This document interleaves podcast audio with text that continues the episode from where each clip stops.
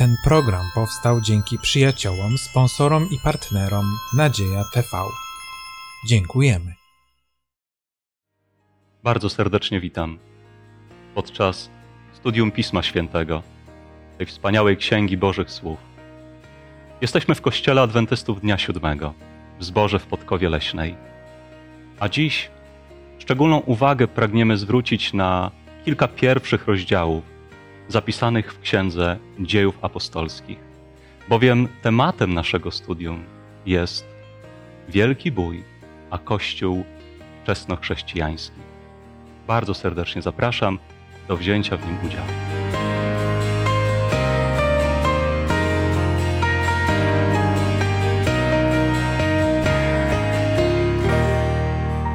Przed nami studium Słowa Bożego. Razem ze mną dziś w tym studium udział biorą Mariusz, Renata oraz Władysław. Ja na imię mam Piotr. I chcąc jak najbardziej zaczerpnąć z tego cudownego, natchnionego słowa, pragniemy zwrócić się w modlitwie do naszego Boga z prośbą o Jego błogosławieństwo podczas tego spotkania. Drogi Panie i Boże, chcę Cię prosić o obecność wśród nas, o błogosławieństwo wtedy, kiedy będziemy czytali, będziemy rozważali Twoje słowo. Potrzebujemy Twojego prowadzenia, dlatego prosimy o to w imieniu Jezusa Chrystusa. Amen. Otwieramy Księgę Dziejów Apostolskich, tą niezwykłą księgę ilustrującą historię Kościoła po zmartwychwstaniu Pana Jezusa Chrystusa, po wniebowstąpieniu, by zobaczyć właśnie wielki bój pomiędzy dobrem i złem rozgrywający się w Kościele i wobec Kościoła chrześcijańskiego. Wielki bój, który, gdy spojrzymy na pierwszy rozdział tej księgi, niewątpliwie rozgrywał się również w sercach apostołów, w sercach uczniów. I przede wszystkim ważne jest, jakie oczekiwania wobec Boga ma człowiek, czy te oczekiwania są zgodne z Bożą wolą, z Bożą prawdą. Chcę, abyśmy rozpoczęli nasze studium czytając fragment z pierwszego rozdziału Księgi Dzieł Apostolskich od szóstego do ósmego wersetu, a potem odpowiedzieli na pytanie, czego oczekiwali od Chrystusa, od Mesjasza, apostołowie, uczniowie, a jak zareagował na te oczekiwania Jezus Chrystus. Bardzo proszę. Gdy oni tedy się zeszli, pytali go mówiąc, Panie, czy w tym czasie odbudujesz królestwo Izraelowi? Rzekł do nich, nie wasza to rzecz znać czasy i chwile, które Ojciec w mocy swojej ustanowił. Ale weźmiecie moc Ducha Świętego, kiedy stąpi na was i będziecie mi świadkami w Jerozolimie i w całej Judei i w Samarii i aż po krańce ziemi. Czy te oczekiwania apostołów i Chrystusa w tym momencie pokrywały się z sobą? No, raczej były rozbieżne, dlatego że naród izraelski spodziewał się przyjścia Mesjasza, który założy królestwo ziemskie. Usunie Rzymian, no i Izrael stanie się wielkim królestwem. Tak oczekiwali, czy tak rozumieli Żydzi w tym okresie czasu, no i również tak to rozumieli apostołowie. A na co zwrócił uwagę Mesjasz, Zbawiciel? Odpowiedział im w sposób, który był taki dosyć mocny, bo zaczął Pan Jezus od słów, że nie wasza to rzecz. Nie wasza to rzecz. Znać te czasy, które Bóg ustanowił, na te plany, o które oni pytają. Natomiast przed nimi było coś zupełnie innego. Mieli spodziewać się, tak jak było czytane, Ducha Świętego, który gdy przyjdzie ze swoją mocą, to będą mogli zwiastować Ewangelię, opowiadać o Jezusie Chrystusie, począwszy od Jerozolimy aż po krańce ziemi. I to było dla nich zadanie, a nie dociekanie tych politycznych spraw, które w sumie wypełniały myśli wielu ludzi w tamtym czasie, ale Kościół chrześcijański miał się otworzyć na coś zupełnie innego, na coś ważniejszego, a przede wszystkim na coś, co Bóg rzeczywiście ludziom przygotował. Tak, Kościół był u progu niezwykłych wydarzeń. Uczniowie jeszcze nie zdawali sobie z tego sprawy nawet, ale Chrystus, spoglądając w przyszłość, wiedział, że to, co będzie najistotniejsze w tym zmaganiu prawdy z fałszem, dobra ze złem, tego Bożego działania z działaniem, które będzie podejmował również szatan, aby przeciwstawić się rozwojowi Ewangelii. Chrystus wiedział, że to, co będzie najważniejsze, to aby uczniowie przyjęli Ducha Świętego, moc Ducha Świętego, aby przyjęli tą obietnicę i aby w tej mocy, w tym wsparciu, z tym błogosławieństwem mogli rzeczywiście zrealizować plan, do którego Bóg ich przeznaczył. Moc Ducha Świętego. Ale również w tej scenie następuje chwila, gdy w pewnym momencie Pan Jezus oddala się ku niebu. I wtedy uczniowie słyszą również słowa, które niewątpliwie były dla nich przez całe życie ich służby ogromną nadzieją. Jakie to słowa? Przeczytajmy werset jedenasty. I rzekli, mężowie galilejscy, czemu stoicie, patrząc w niebo? Ten Jezus, który od was został wzięty w górę do nieba, tak przyjdzie, jak go widzieliście idącego do nieba. Tak, słowa niezwykłej obietnicy, że ten Zbawiciel, przyjaciel, ten, którego tak dobrze poznali, mimo że teraz odchodzi, zostawia swojego zastępcę, Ducha Świętego, który będzie towarzyszył uczniom, ale również zostawia nadzieję spotkania, że powróci tak, jak był widziany, odchodząc do nieba, tak w sposób widoczny powróci któregoś dnia, aby, jak w innym miejscu powie, powiedział Zbawiciel, zabrać do siebie tych, którzy mu uwierzyli. I drodzy, zanim za chwilkę będziemy czytać pewne fragmenty, które pokazują, w jak trudnych czasami sytuacjach znaleźli się apostołowie. Zanim to się stanie, Bóg przede wszystkim chciał włożyć w ich serca obietnicę Ducha Bożego i obietnicę powrotu Zbawcy. Dzisiaj potrzebujemy tych samych nadziei, tej samej pomocy, tego samego wsparcia, aby sprostać różnym wydarzeniom, w których bierzemy udział i przeżyć je po Bożemu.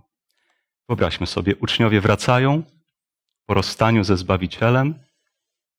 Co przeżywają w sercach? Jak wyglądają te kolejne dni ich życia? No z tego wniosek, że jeszcze nie wszystko do końca rozumieli, szczególnie ideę królestwa, i dlatego też udali się do pokoju w górze. Szczególne 10 dni, prawda? I na, na 10 dni no, rozmyślań, modlitw, pojednania między nimi, i wtedy, jako owoc tej postawy, tych 10 dni, stąpił na nich Duch Święty. Co się stało po tych 10 dniach modlitwy? pomiędzy uczniami, we wzajemnych relacjach pomiędzy nimi, w ich postawach wobec siebie? Stało się coś niespotykanego do tej pory, bo nagle czytamy, że ci wszyscy trwali jednomyślnie w modlitwie. Jednomyślność była obca apostołom, to znaczy oni chodzili razem za Panem Jezusem i, i wykonywali zadania, które Pan Jezus zlecał, ale o jednomyślności nie było mowy. Każdy ciągnął w swoją stronę, każdy miał jakąś swoją wizję tego Królestwa Bożego a już na pewno każdy miał wizję swojej roli w, tej, w tym królestwie i to była rola wybitna. Nagle wiecie, jedność sprawia, że, że ludzie zaczynają chyba spoglądać na siebie w taki sposób, gdzie wszyscy mają taką samą wartość. Oddali się modlitwie. A więc zobaczcie, tak sobie myślę, że życie chrześcijańskie czasami może polegać na tym, że zajmujemy się wieloma pozornie religijnymi sprawami, ale zupełnie tym, czego Bóg nie chce. Natomiast kiedy, kiedy zajęli się tym, co trzeba, to nagle wszystko zaczęło znajdować swoje właściwe miejsca. I relacje między Bogiem a nimi były chyba coraz lepsze, ale i relacje między nimi były coraz lepsze, takie właściwe, które właściwie otwierały drogę do tego, żeby Bóg im mógł coraz bardziej błogosławić. Jaki niezwykły przykład również dla Kościoła dzisiaj. Uczniowie w sercach mieli tą obietnicę Ducha Świętego, ale wiedzieli, że musi stać się coś w ich życiu, coś pomiędzy nimi, co otworzy ich, da możliwości Bogu działania w niezwykły sposób. I rzeczywiście ten czas to był czas niezwykłych cudów, kiedy zmieniało się ich, zmieniało się ich wzajemne podejście do siebie, te relacje, aż wreszcie ta jednomyślność. I nawet jak zaczyna się drugi rozdział Księgi Dzieł Apostolskich od słów, że gdy nadszedł dzień Zielonych Świąt, byli wszyscy razem na jednym miejscu.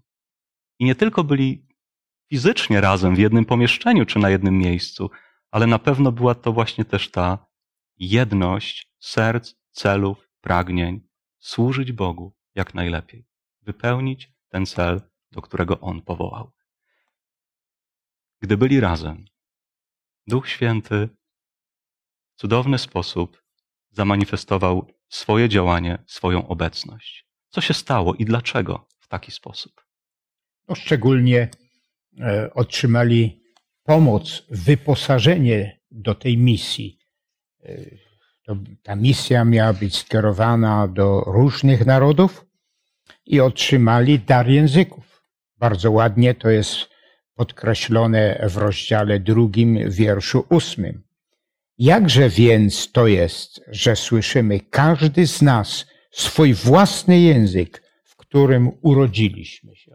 A było wtedy w Jerozolimie mnóstwo ludzi mówiących różnymi też językami, prawda? Oczywiście, tu jest w dziewiątym, dziesiątym wierszu, nawet jedenastym są wspomniane narody albo przedstawiciele jakich narodów tam byli obecni. Być może nie wszyscy posługiwali się tym samym językiem. No i dlatego potrzeba było, aby przekazane było poselstwo do nich w zrozumiałym dla nich języku. Tak, Boże działanie jest takie bardzo praktyczne też w życiu Kościoła. W odpowiedzi na konkretne Mhm. potrzeby. Była potrzeba, aby Ewangelia o ukrzyżowanym, o zmartwychwstałym Chrystusie dotarła do osób, którzy, które tłumnie przybyły wtedy na święto do Jerozolimy. A jako, że posługiwali się różnymi językami między innymi, w taki sposób Duch Święty zamanifestował, dając swój dar posługiwania się przez apostołów istniejącymi językami, ale które nie były dla nich znane. Oczywiście podniosły się różne głosy, prawda? Byli ludzie, którzy zareagowali negatywnie, kwestionowali to, co się dzieje, ale byli tacy, którzy słuchali uważnie, a słuchali tym uważniej, im dłużej trwało kazanie, między innymi opisane tutaj w drugim rozdziale, kazanie apostoła Piotra. O czym mówił Piotr? Jakie reakcje wywołały jego słowa, te Boże słowa, działanie Ducha Bożego w sercach słuchających? Apostoł Piotr, nawiązując do słów Starego Testamentu, e, mówił o proroctwach, które zapowiadały Mesjasza. Ci ludzie zaczęli rozumieć, że ten, który wśród nich był, e, był prawdziwym Mesjaszem. Ale Piotr poszedł dalej, uświadamiając im, co tak naprawdę oni zrobili. Że tego, który jest sprawcą życia, tego, który przyszedł po to, żeby ich zbawić, oni po prostu ukrzyżowali. E, I to niosło z sobą pewien apel, apel do sumień ludzkich. E, I chyba oni tak to zrozumieli, bo za tym poszło takie głośne wołanie i pragnienie e, odmiany, ratunku od Pana Boga. Co mamy robić? Pytali apostołów. I oczywiście rozwiązanie było, bo Bóg jest takim Bogiem, który daje rozwiązania, ale było to kazanie naprawdę mocne, poruszające ludzkie sumienia. Dokładnie takie, jakie ci ludzie potrzebowali. Działanie Ducha Świętego objawiało się w życiu apostołów, że mieli odwagę mówić Słowo Boże. E, I ta moc przekonywująca e, płynęła e, nie z mądrości ich słów, ale z mocy Bożej i z prawdy, którą głosili. A osoby, które przyjęły działanie Ducha Świętego, miały poruszone serce i tak jak w 37 wersecie jest napisane, mówili, co mamy czynić mężowie bracia? Gotowość na przyjęcie Ewangelii, gotowość poddania się Bogu tylko jest dziełem Ducha Świętego. Człowiek może powiedzieć prawdę, ale to Duch Święty przekonuje człowieka. I co ciekawe, tylko człowiek, który jest przekonany do prawdy, czyli jest świadomy tego, czego Bóg oczekuje od niego, może powiedzieć, chcę być z Bogiem. Bo dalej mówili, pytali, co mamy czynić, mężowie bracia? A Piotr powiedział, upamiętajcie się i niechaj się każdy z was da ochrzcić w imię Jezusa Chrystusa. I ci więc, 41 werset dalej mówi, ci więc, którzy przyjęli słowo Jego, zostali ochrzczeni. Człowiek staje się chrześcijaninem nie z urodzenia, ale z przekonania i poddania się Duchowi Świętemu. No, tutaj widzimy jedno, że e, moc Ducha Świętego jest potrzebna, potrzebna dla tych, którzy każą, jak również Duch Święty musi oddziaływać również na słuchaczy. I to jest aktualne do dnia dzisiejszego. Przemawiać w mocy Ducha Świętego, a modlić się, aby ten Duch Święty oddziaływał również na tych, którzy słuchają. Słuchacze, wśród tych, którzy słuchali wtedy kazania Piotra, byli również i ci, którzy około dwóch miesięcy wcześniej znajdowali się w tłumie, który krzyczał: Ukrzyżuj, ukrzyżuj. I to jest niezwykłe. Jak wielkie jest Boże przebaczenie, jak wielka jest Boża łaska. Być może wielu spośród tych, którzy tak krzyczeli, domagając się tego sądu, tego wyroku na Jezusie, byli nie do końca świadomi tego, co się dzieje. Może przywódcy religijni włożyli w ich serca pewne uprzedzenia, nakłonili do takiej postawy. Ale teraz, gdy dotarło do nich takie czyste przesłanie Bożego Słowa, gdy zrozumieli, że ten Jezus z Nazaretu był obiecanym Mesjaszem, byli w stanie przyjąć tą skruchę serca i byli w stanie właśnie zawołać: Co mamy czynić? Chcemy zmienić swoje życie. Zwróćmy uwagę, że Pan Bóg walczy o serce każdego człowieka. Bez względu na to, jak wrogi czasami człowiek jest Bogu, Bóg nie rezygnuje, bo za jakiś czas to serce może zetknąć się z prawdą i przyjąć to działanie Ducha Bożego. Tak, to było niezwykłe wydarzenie. Tysiące osób przyjęło prawdę o Zbawicielu. Widzimy, jak Bóg działa. Kiedy spoglądamy na kolejne rozdziały Pisma Świętego, właśnie Księgi Dzieł Apostolskich, znajdujemy apostołów, uczniów Chrystusa, którzy dalej służą, dalej przemawiają, pomagają, również uzdrawiają, tak jak w przypadku Piotra i Jana, którzy uzdrowili w mocy Chrystusa człowieka około 40-letniego, który nigdy nie chodził. I ludzie zdumieni słuchają, jak Piotr i Jan nauczają o Chrystusie, o zmartwychwstałym Chrystusie. Z jakimi reakcjami zaczyna spotykać się Kościół? Czy wszyscy chętnie przyjmują tą nową dla wielu naukę? No, chyba słusznie zostało zauważone, że to była nowa nauka. Ale nie tylko nauka, wiecie, bo kiedy mówi się o zmartwychwstaniu, w tym przypadku zmartwychwstaniu Chrystusa, oni mają argument. Widzieliśmy go, rozmawialiśmy z nim. E, później, oczywiście, jeszcze w Nowym Testamencie czytamy, że widziało Jezusa zmartwychwstałego około 500 osób.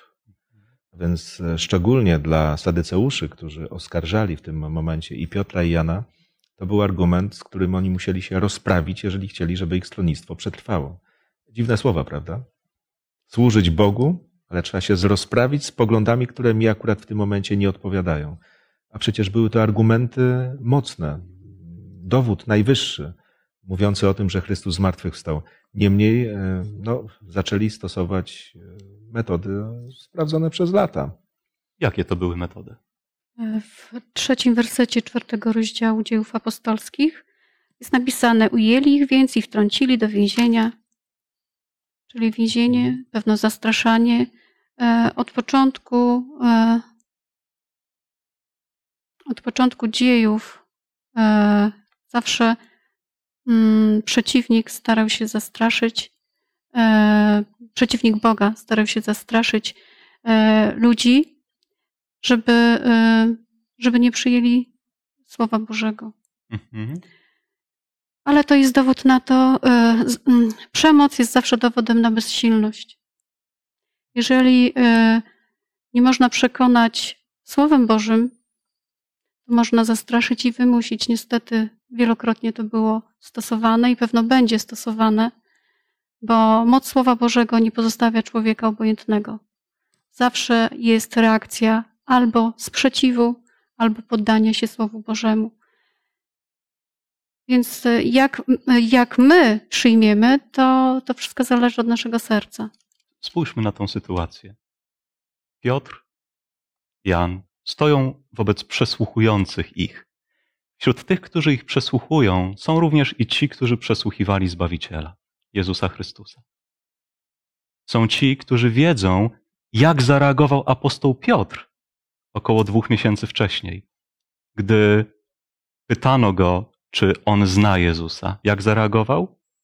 Wyparł się znajomości z Chrystusem. Dał się zastraszyć. I teraz jest próba kolejnego zastraszenia apostoła Piotra.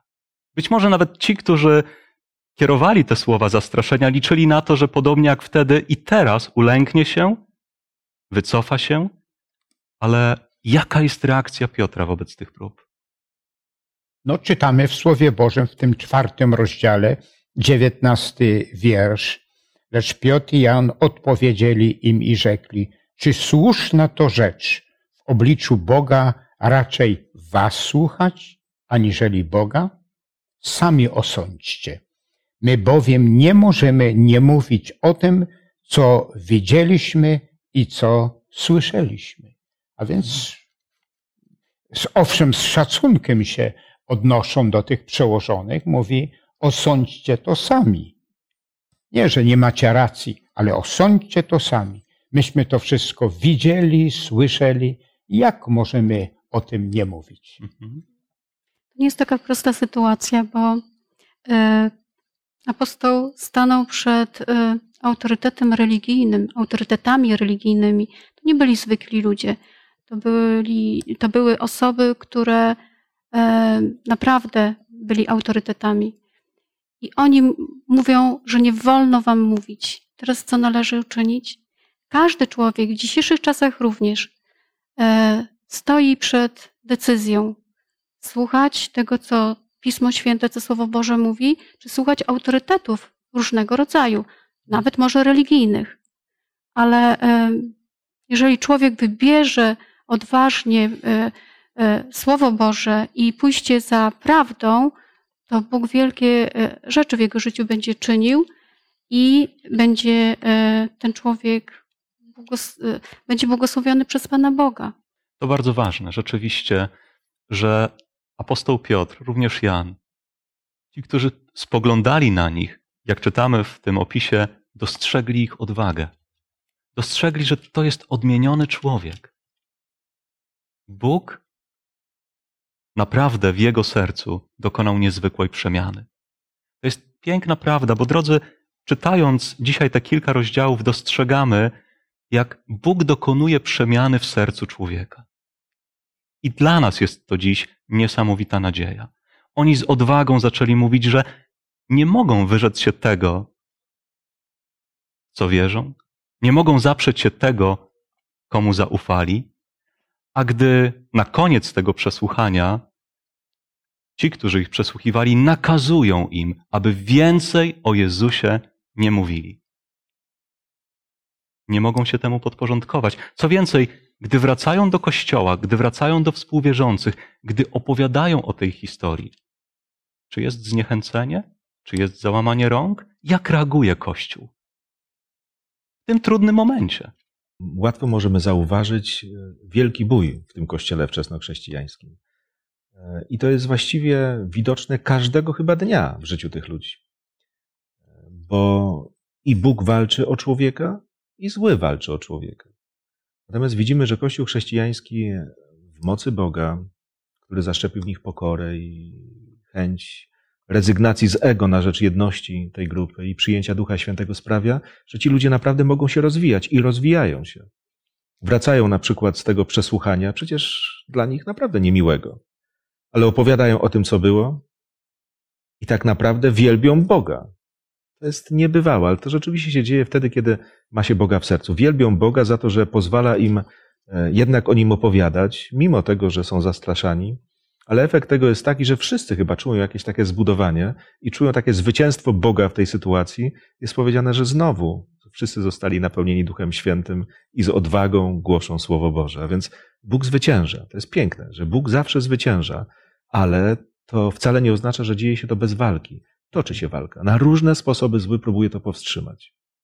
To prawda, i w tej modlitwie, w której jednoczą się po przyjściu apostołów, apostołowie, inni uczniowie, tak naprawdę modlą się nie tyle o usunięcie przeszkód, które powstały, ale modlą się, aby mogli z odwagą głosić Boże Słowo. To jest niezwykła postawa. Oni są skupieni na tym, aby być z Bogiem i aby wykonać to, co Bóg dla nich przewidział. Jeśli mogę e, Mhm. wejść w słowo, to zwróćcie uwagę, że kiedy ktoś się modli o coś, to znaczy, że, że bardzo mu na tym zależy i wcale nie czuje się taki pewny siebie. Właśnie to jest to, że oni nie z automatu jakiegoś z odwagą głosili Słowo Boże, ale to wynikało właśnie z modlitwy, z zaufania, z prośby do Boga i z wysłuchanej modlitwy, która sprawia, że mogą przeżyć kolejny dzień z odwagą, robiąc to, do czego zostali powołani. Wielki bój się toczy. Ale skoro w kościele czy kościół coraz odważniej, z pokorą, ale z wielką odwagą głosi Słowo Boże, głosi Ewangelię, to wzrastają również te siły opozycji. Wzrastają również przeciwności. Szczególnie widać to w kolejnych wydarzeniach. To już nie tylko próba zastraszenia czy próba zakazania, ale mamy historię Szczepana. W szóstym, siódmym rozdziale Księgi Dzieł Apostolskich. Jakim człowiekiem był Szczepan? No przepięknie jest to zilustrowane w szóstym rozdziale i wierszu ósmym. A Szczepan pełen łaski i mocy czynił cuda i znaki wielkie wśród ludzi. A więc jest podkreślone, że Szczepan był pełen łaski i mocy, mocy Ducha Świętego, o którym no, w tych pierwszych rozdziałach jest wspomniane i wymienialiśmy. No i on kazał. Co prawda w szóstym rozdziale jest wspomniane, że on był jednym z diakonów, siedmiu dia- diakonów, e, że zostali przeznaczeni do służby takiej no, charytatywnej, byśmy dzisiaj takim językiem powiedzieli, ale jednak czytamy, że on jako chrześcijanin z mocą kazał, pozyskiwał, nawracał ludzi. Tak, był to człowiek głębokiej wiary, człowiek, który w płomienny i taki naprawdę sposób bardzo docierający do serc przekazywał Boże Słowo. Co się stało? W jaki sposób próbowano zagłusić, zagłuszyć ten głos? Przeczytajmy bardzo proszę z szóstego rozdziału, werset trzynasty. Podstawili też fałszywych świadków, którzy mówili: Ten człowiek nie przestaje mówić blu- bluźnierstw przeciwko temu miejscu, świętemu i zakonowi. Tak, pojawia się kolejny element tej walki, tych duchowych zmagań. W jaki sposób próbuje się uciszyć ten głos? Tu możemy podkreślić również to, że, że co prawda to nie jest jedyny sposób, albo po raz pierwszy zastosowano. Kiedy myślimy o Jezusie Chrystusie, kiedy go sądzono, to też stawiano fałszywych świadków. To samo, tą samą metodę walki przeciwko prawdzie czytamy zastosowaną przeciwko Szczepanowi. Dzisiaj ludzie, którzy naprawdę żyją z Bogiem, pobożnie, uczciwie, sprawiedliwie, również mogą liczyć się z tym, że fałszywe oskarżenia mogą dotknąć ich życia. Kiedy te fałszywe oskarżenia zostały skierowane przeciwko Szczepanowi, on w pewnej obronie zaczął głosić Słowo Boże, nawiązując do historii narodu izraelskiego, jak wyglądało jego kazanie? Jak skończyła się ta sytuacja? Jaki był kolejny krok w tym wielkim boju również tych przeciwników Bożej prawdy? Szczepan pokazał taką smutną w sumie historię ludu, który był ludem Bożym, pokazując szereg wydarzeń, które, pokaz- które e, podkreślały fakt, że niestety zamiast słuchać Pana Boga, często się mu po prostu przeciwstawiali. I kiedy tak mówił o tej całej historii, bo, bo przytoczył wiele przykładów, w końcu w siódmym rozdziale Księgi Dziejów Apostolskich i w wierszu 51 odniósł też się do kolejnego pokolenia, które no, ma przed sobą wybory i mówi: Ludzie twardego karku i opornych serc i uszu, wy zawsze się sprzeciwiacie Duchowi Świętemu, jak ojciec, jak ojcowie wasi, tak i wy. No więc była to historia i trudna, ale ludzie nie potrafili się z tą historią zmierzyć. Unieśli się ambicją, jakimiś swoimi no, utartymi ścieżkami postanowili pójść, no i Szczepan został ukamienowany. Tak myślę tutaj o jednym, że wykładając całą historię tego narodu wybranego, doszedł do Salomona i do świątyni. To jeszcze nie koniec historii tego narodu, ale chyba Szczepan zauważył to, że, że jest opór. Może to na ich twarzach oczywiście objawiło się. No i dlatego też powiedział, jakby chciał powiedzieć, nie ma sensu dalej mówić. On w takim zrozumieniu. Wy jesteście ludem, to co było cytowane przed chwilą, twardego karku, opornych serc, a przede wszystkim sprzeciwiacie się to, co jużśmy kilka razy podkreślali, Duchowi Świętemu. Jak, jak odrzucacie Ducha Świętego, to moje argumenty was już nie przekonają. Jakiż to inny obraz wobec tego, o którym rozmawialiśmy niedawno, gdy ludzie przekonani o swojej grzeszności zawołali, co mamy czynić. Poddali się pod wpływ Ducha Świętego. Tutaj mamy ludzi, na których również Duch Boży działa, ale serce się zatwardza. Ta decyzja, ten wybór idzie w kierunku oporu. Jaka szkoda, bo Bóg mógłby przecież i tych, którzy tam byli, przyprowadzić, przyprowadzić do siebie. W szóstym rozdziale, e, dziesiątym wersecie jest napisane, lecz nie mogli sprostać mądrości i duchowi, z którego natchnienia przemawiał. Właśnie Szczepan przemawiał. Czyli te słowa, one były e, jasno zrozumiane, tylko e, nie było chęci przyjęcia, poddania się tym słowom Bożym. Tak, to jest bardzo ważne. Wielkie zwycięstwo, jakie Pan Bóg odniósł w tej historii, to to, że Szczepan, chociaż został w końcu wyprowadzony, został kamienowany przez ludzi, którzy tak sprzeciwiali się jemu, on modlił się. On modlił się, zachował pokój serca, zachował miłość do swoich wrogów, do swoich prześladowców. Moc Ducha Świętego obiecana uczniom objawiała się również i w ten sposób. Spójrzmy na jeszcze jedną historię. Tym razem jest to historia zapisana w dziesiątym rozdziale Księgi Dziejów Apostolskich. Bowiem jednym z problemów, jaki istniał wtedy w Kościele Apostolskim, był problem pewnych uprzedzeń. Jakich uprzedzeń? No, uprzedzeń e, narodowościowych mhm. czy innych. Znaczy, wiara w to, że zbawienie należy się tylko temu wybranemu narodowi izraelskiemu, a nie zwracali e, uwagę na to, że ten naród został powołany, żeby przekazać prawdę o Bogu, o Jego zasadach całemu światu. Mhm. A jednak, jednak tutaj widzimy, że dość długo oczywiście był ten, ten opór, że inne narody, nieobrzezane jak według tej nomenklatury biblijnej, nie mają prawa do zbawienia. Mhm. Co zrobił Chyba Bóg, żeby przełamać jeszcze. też? E, chyba chodziło o coś jeszcze, zobaczcie, bo kwestia, w ogóle to zobaczcie, jak wygląda. Człowiek wyraża opinię, kto będzie, a kto nie będzie zbawiony. To, to jest dziwne przynajmniej. Mhm. E, ale myślę, że tutaj poszło wszystko dalej o tyle, że w takim e, przekonaniu narodu żydowskiego było to, że takich ludzi spoza siebie nie można było nawet odwiedzać, przebywać z nimi, rozmawiać, jeść z nimi.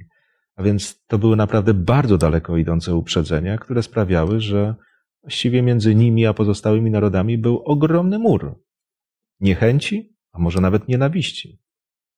I gdyby tak pozostawić to, to Kościół chrześcijański by właściwie nigdy nie stał się Kościołem powszechnym. Nigdy by nie stał się Kościołem, w którym by realizowana była misja na całym świecie. Bóg musiał coś zrobić. Ta historia pokazuje, że Bóg nie pozostawił tych tych murów e, samym sobie, ale postanowił je przełamać w sposób, który był znowu taki Boży, czyli niezwykły, nie szablonowy, ale odpowiedni do sytuacji. Tutaj możemy nawet podkreślić, że nawet apostołowie nie rozumieli tego i ulegli tej, tej, tej, tej tendencji, która była wśród tego narodu, i dopiero, tak jak słusznie było podkreślane, dopiero interwencja Boża pomogła przełamać ten opór, tą niechęć i to zrozumienie, że Jezus Chrystus umarł za wszystkich ludzi, cały świat. I dlatego każdy ma prawo do zbawienia. Nie przyszło to łatwo, ale dzięki Bogu odnio- e, prawda odniosła zwycięstwo. Wszak apostoł Piotr nie tak dawno w stosunku do tych wydarzeń mówił o Chrystusie, że nie ma w nikim innym zbawienia, bo nie dano pod niebem żadnego innego imienia, przez które ludzie mogliby być zbawieni. Ale rzeczywiście są takie przełomowe wydarzenia, które zmieniają bieg historii i to jest jedno z nich. Bardzo proszę. E, Ta lekcja pokazuje, jak e, trudno człowiekowi przyjść do Boga, jeśli będzie się kurczowo trzymał e, swoich wyobrażeń, swojej może tradycji, a nie otworzy się naprawdę na działanie Ducha Świętego. Jeżeli apostołowie, którzy kochali Jezusa całym sercem, e, mieli e, takie trudności w zrozumieniu, dziś byśmy powiedzieli tak prostych prawd, że człowiek, każdy człowiek wobec Boga jest równy. E, To co ma powiedzieć człowiek, który nie jest otwarty na, na Słowo Boże? Człowiek, który nie słyszał prawdziwej Ewangelii Biblii, jak ma otworzyć się na Ewangelię, jak ma ją zrozumieć. Tylko działanie Ducha Świętego na człowieka e, przełamuje bariery, uprzedzenia, e, złe tradycje, złe wyo- wyobrażenia. Tylko człowiek, który chce naprawdę czynić wolę Bożą. I każdy człowiek, który może niewiele wie, ale jest otwarty e, na Boga, e, doczeka się, e, doczeka się zrozumienia. Bo Duch Święty e, zna serca ludzi i pomaga każdemu, kto chce poznać i żyć zgodnie z tym, co Bóg mówi. Słuchajcie, myślę, że my też jesteśmy w jakimś sensie owocem naszych czasów. E, Nasze wyobrażenie o otaczającym nas świecie, a nawet często o Bogu, jest wynikiem tego, w jakim kraju się urodziliśmy, w jakich czasach w ogóle żyjemy. E, To, że jesteśmy Polakami, też niesie z sobą zapewne wiele zalet, ale też mamy swoje przywary, które przecież nie są obce e, tym, którzy w tym kraju mieszkają. Ja nie chcę teraz tych przywar wymieniać, bo być może byśmy się z niektórymi kwestiami zgodzili, z innymi nie, ale nie wszystko to, co robimy, jest, jest e, jakąś naszą zaletą. A nawet stosunek do naszych sąsiadów ze wschodu, z południa, z zachodu e, jest bardzo zróżnicowany. I łatwo czuć się lepszym. E, Mówię, nie chcę tego tematu jakoś specjalnie rozwijać, bo pewnie byłoby się, e, pewnie by się nie obyło bez jakichś e, tematów czysto politycznych wręcz, ale prawda jest taka, że Bóg chce nas poprowadzić jakby ponad tymi wszystkimi podziałami, które gdzieś mogą funkcjonować w przestrzeni publicznej, w miejscu, gdzie się przebywa.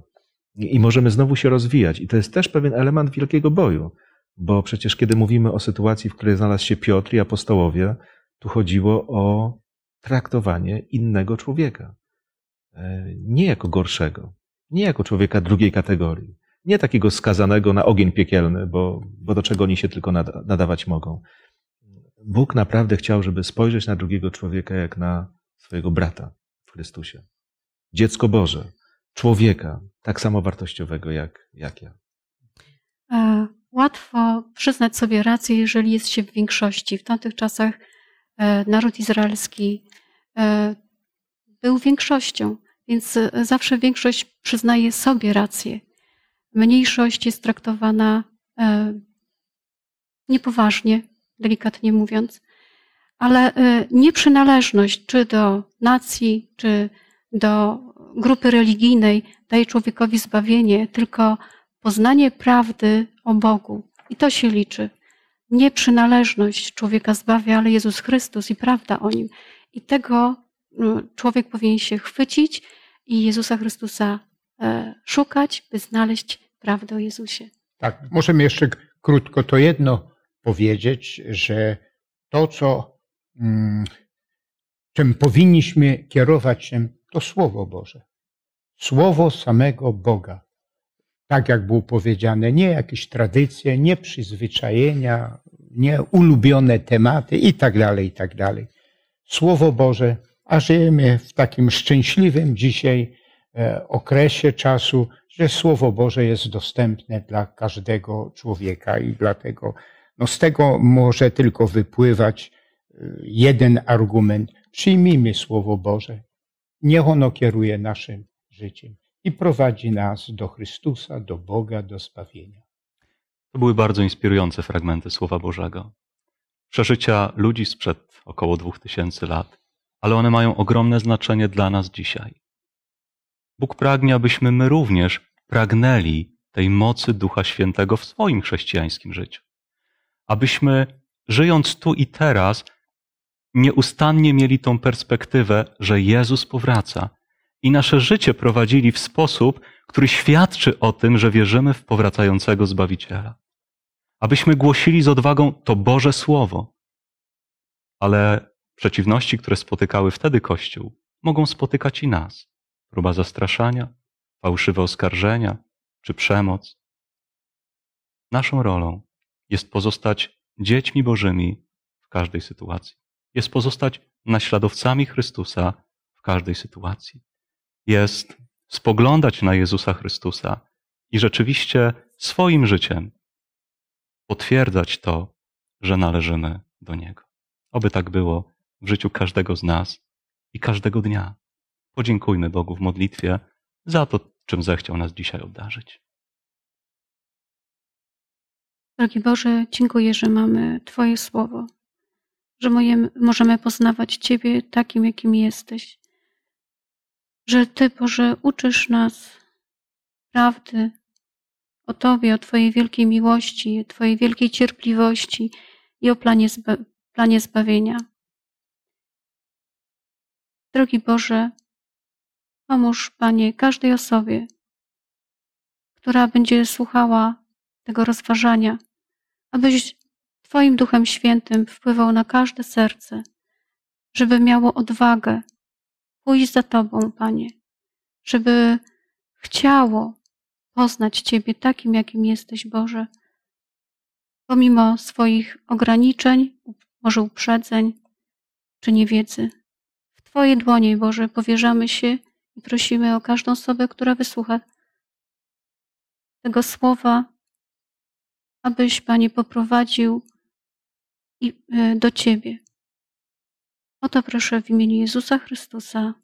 Amen. Dziękując za udział w dzisiejszym studium, pragnę bardzo serdecznie zaprosić na kolejne studium. Jednym z tych, którzy brali udział w ukamienowaniu Szczepana, był człowiek o imieniu Saul, ale w jego życiu nastąpiły ogromne zmiany. Jego nauka stała się nauką wywyższającą Boga. Mówię o tym dlatego, że tematem kolejnego studium będą Paweł i bunt i wydarzenia związane z jego życiem i jego nauka. Bardzo serdecznie zapraszam.